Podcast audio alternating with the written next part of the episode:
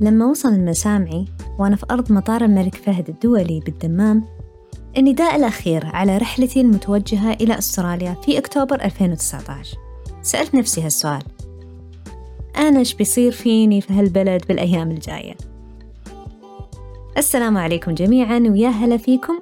معاكم فاطمة مرزوق طالبة دكتوراه تمريض في مدينة نيوكاسل بأستراليا. أقدم لكم الحلقة الأولى من بودكاست للمبتعثين حكاية. في هذا البودكاست راح نعرض لكم تجاربنا حياتنا مواقفنا خلال فترة الابتعاث خارج المملكة. وإن شاء الله راح نستضيف مبتعثين نسمع منهم تجربتهم مواقفهم وأشياء ما تجي على البال ولا على الخاطر. هذا البودكاست من إعدادي وتقديمي وإنتاج محتويز. البسوا السماعات ارفعوا الصوت وعيشوا معانا الرحلة. أتذكر تماما يومي الأول في هذه الرحلة. اليوم اللي راح تتغير فيه حياتي تماما وبشكل كلي. اليوم اللي راح أغيب فيه الفترة أبدا ما هي قصيرة عن كل شيء أنا متعودة عليه. أهلي شغلي آه، صحباتي وحتى المطاعم والكافيهات والأسواق اللي أنا متعودة عليها في السعودية. صراحة كان يوم مليان دموع ووداع على أمل اللقاء القريب خصوصا لما ودعت أهلي وأقرب الناس لي. عاد لكم التخيل. أخذنا أكيد وضعية حياة الفهد على الجدار وكل أنواع الدراما. هذا وتخيلوا كل هذا سويناه ترى ما كنا ندري إن كورونا جاي في الطريق. كيف لو ندري بس. وأنا في المطار كنت جالسة على مقاعد الانتظار في صالة المغادرة. لما كتبت تغريدة في تويتر أعلن فيها عن بداية رحلة ابتعاثي وطلبت فيها دعوات متابعيني لي بالتوفيق في هذه الرحلة. أدري بعضهم كان يقول يعني إيش فيها مسوية الحين فيلم؟ تراها مو أول ولا آخر واحدة بتطلع ابتعاث من السعودية. معاكم حق. أنا ماني أول ولا آخر واحدة طلعت ابتعاث. لكن يبقى لهالموقف هيبة.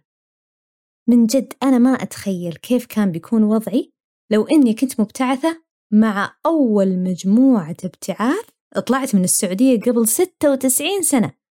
هالكلام هذا كان في عهد الملك عبد العزيز رحمه الله. طبعا هالبعثة هذه طلعت من السعودية إلى مصر. الدفعة كلها كانت عبارة عن 14 مبتعث تخرجوا بعدها في سنة 1353 للهجرة. عاد تخيلوا وقتها ما كان في شيء اسمه نادي سعودي آه، ببلد الابتعاث اللي يروحون له ما كان عندهم منتديات حتى يقرون فيها عن خبرات الناس اللي سبقوهم. حتى جوجل ماب ما كان عندهم.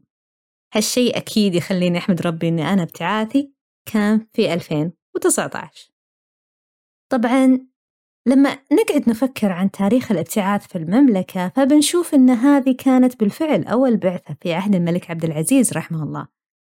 لكن بعد نجاح كبير لهذه البعثة ابتعثت المملكة ولأول مرة ثلاث طلاب إلى بريطانيا. كان هالكلام في سنة 1349 للهجرة. ومن وقتها توالت البعثات وزاد عدد المبتعثين لحد ما وصل إلى 11 ألف مبتعث ومبتعثة في عهد الملك خالد رحمه الله. أما في عهد الملك فهد رحمه الله بدأ التركيز على ابتعاث أعضاء هيئة التدريس في الجامعات السعودية للخارج. وفي عهد الملك عبد الله رحمه الله كذلك استحدثت برامج جديدة في الابتعاث وبدورها هذه البرامج حققت نقلة نوعية في تاريخ الابتعاث. طبعا منها برنامج خادم الحرمين الشريفين للابتعاث الخارجي وظيفتك بعثتك والكثير من البرامج حتى وقتنا الحالي. وإذا بتسألوني عن برنامج اللي أنا ابتعثت فيه فأنا من أعضاء هيئة التدريس بإحدى الجامعات السعودية وابتعثت من جهة عملي إلى أستراليا علشان أدرس الدكتوراه في تخصصي اللي هو تخصص التمريض. لما أفكر بعظم الشيء هذا كله اللي سعت له المملكة على مدى سنوات طويلة. أحس بشعور امتنان من القلب. اللي قدمته لنا المملكة كمبتعثين صدقوني مو شيء قليل. أبدا أبدا مو شيء قليل. إحنا استثمار علمي وعقلي ناجح إن شاء الله. والغاية دائما بأن إحنا نسعى لإعمار الوطن وتطويره ورفعة شانه. إحنا نحمل رسالة عظيمة ومهمتنا أبدا مو سهلة. إلا أن لها مردود إيجابي علينا وعلى المجتمع والوطن في مختلف الجوانب. فمن جد من هذه المنصة من هذا البودكاست أقول هذه الكلمات. شكرا لوطني. شكرا لملكنا سلمان بن عبد العزيز آل سعود وشكرا لكل من وضع ثقته فينا ولمن جعلنا سفراء لهذا الوطن في مختلف بلدان العالم. وإن شاء الله راح نرفع الخفاقة أخضر باعتزاز وفخر في كل بلد. طبعا الآن بعد الفضفضة والمشاعر الجياشة خلونا شوي نرجع للحظة اللي كنت فيها في المطار. وأنا كنت جالسة يعني قاعدة أنتظر طيارتي ووقتها طبعا كنت أحتسي القهوة. طبعا للأسف ما كانت قهوة سوداء اللي هي من متطلبات الفخامة بس كانت صراحة قهوة باردة نصها حليب ونصها كراميل. طبعا وقتها خيالي راح لبعيد صرت أتصور وأرسم. وأتوقع كيف بعيش في الفترة الجاية في أستراليا هل راح أتعود على البشر؟ هل راح أتعود على اختلاف التوقيت والطقس والتفاصيل الثانية؟ طيب الدراسة يعني شلون؟ دراسة الدكتوراه صعبة سهلة أه، ترى اللي معاي راح يكونون أجانب طيب أنا مو لغتي الإنجليزية هي اللغة الأم إيش بسوي معاها؟ طيب خلوني أقول لكم شيء كل مبتعث في هذه المرحلة يعيش جو التصورات والتخيلات لقدام. ما في أحد أو ما في مبتعث طلع يعني آه، أبتعث إلى الخارج وما جاته هذه الخيالات. طبعا بعضهم يتخيل خيالات شنو؟ خيالات وردية. وردية جميلة. آه، فتشوفونه يشوف نفسه كأنه في فيلم أجنبي. يتخيل ثلج حوالينه.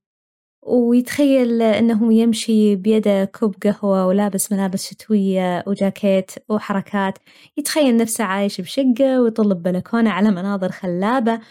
يمكن حتى يكون يربي حيوان أليف يعني سواء كان كلب اسمه بوبي أو حتى آه يعني نقول قطوة أو بسة اسمها كاتي. وطبعا كل هذا قاعد يتخيله وهو يسمع صوت يعني موسيقى كلاسيكية تناسب الوضع بالطبع.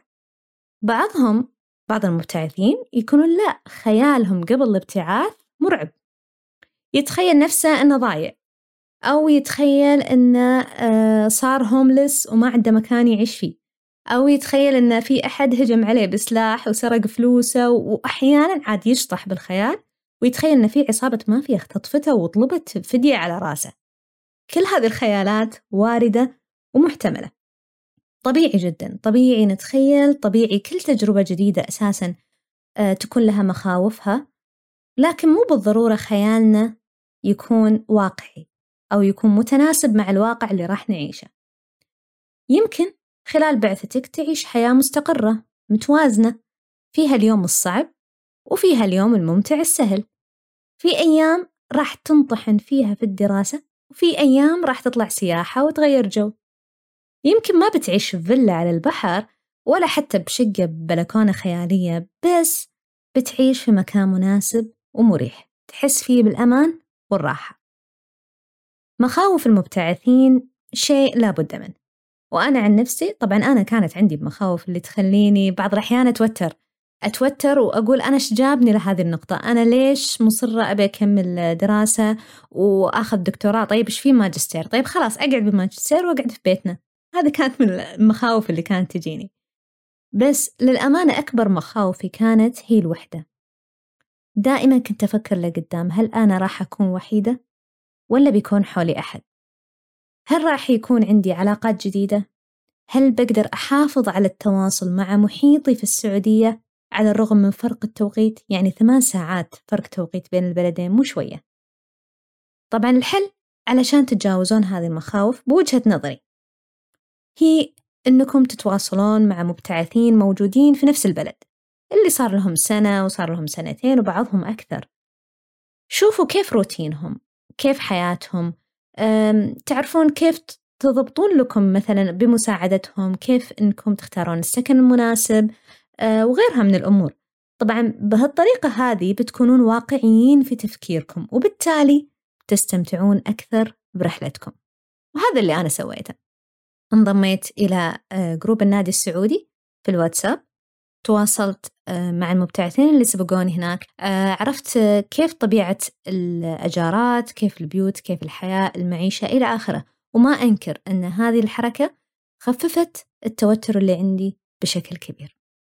طيب نرجع الحين اليوم السفر. أخيرا ركبت الطيارة. رحلة قصيرة بس وصلت دبي. طبعا تونا تونا بسم الله تونا أول خطوة. بعدها كانت رحلة طويلة جدا جدا جدا مدتها 14 ساعة إلى مدينة بريسبن في أستراليا.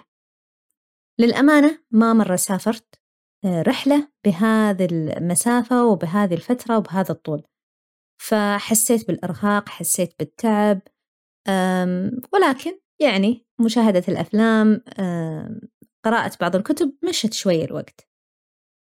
بعد آه، هذه الرحلة إلى بريسبن. كانت عندي رحلة ثانية وهي طيران داخلي من بريسبن إلى نيوكاسل.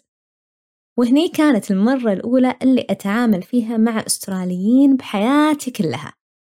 أول شخص تعاملت معه كان موظف الجوازات في المطار. كان مبتسم بشكل مريح. وأول ما شاف الجواز الأخضر قال لي كذي بعربية مكسرة. السلام عليكم. طلع حافظ هالكلمتين من العرب وحب بس يخفف التوتر علي. وبالفعل جدا حسيت بالألفة مع كل موظفين المطار. الكل يبتسم ويحيي وهذا الشيء اللي اكتشفته مع الوقت. 80% من الأستراليين يبتسمون لك بمجرد ما تطيح عينك بعينهم لدرجة أنه في مرة سوينا تجربة. كنا في البحر فجلسنا آه، أنا وصديقتي وقررنا أن إحنا نبتسم في وجه كل من يمر.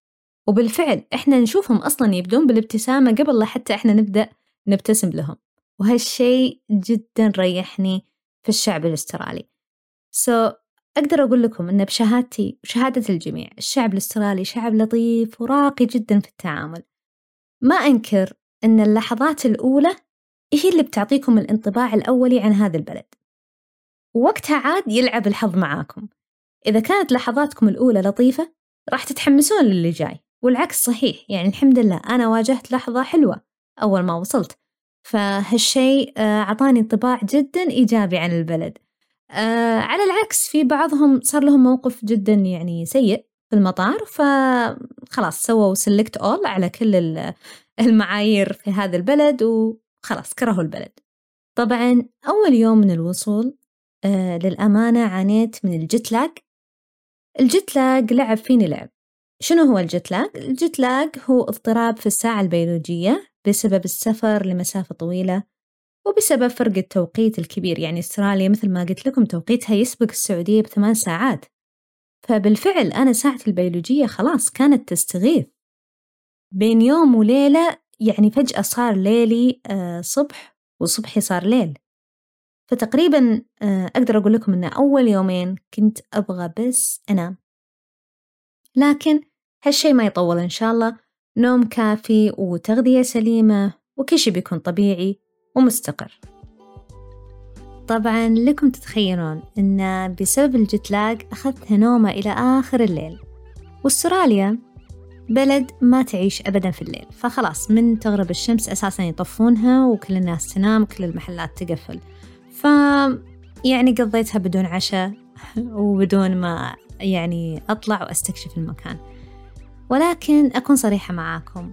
الجتلاج والربكة في أول يوم كله يهون. في أشياء ثانية ممكن تزعجكم أكثر وتتعبكم نوعا ما أول ما تصلون لبلد الابتعاث مثل ما صار لي. وإن شاء الله راح نتكلم عنها في الحلقة القادمة من بودكاست للمبتعثين حكاية. السلام عليكم.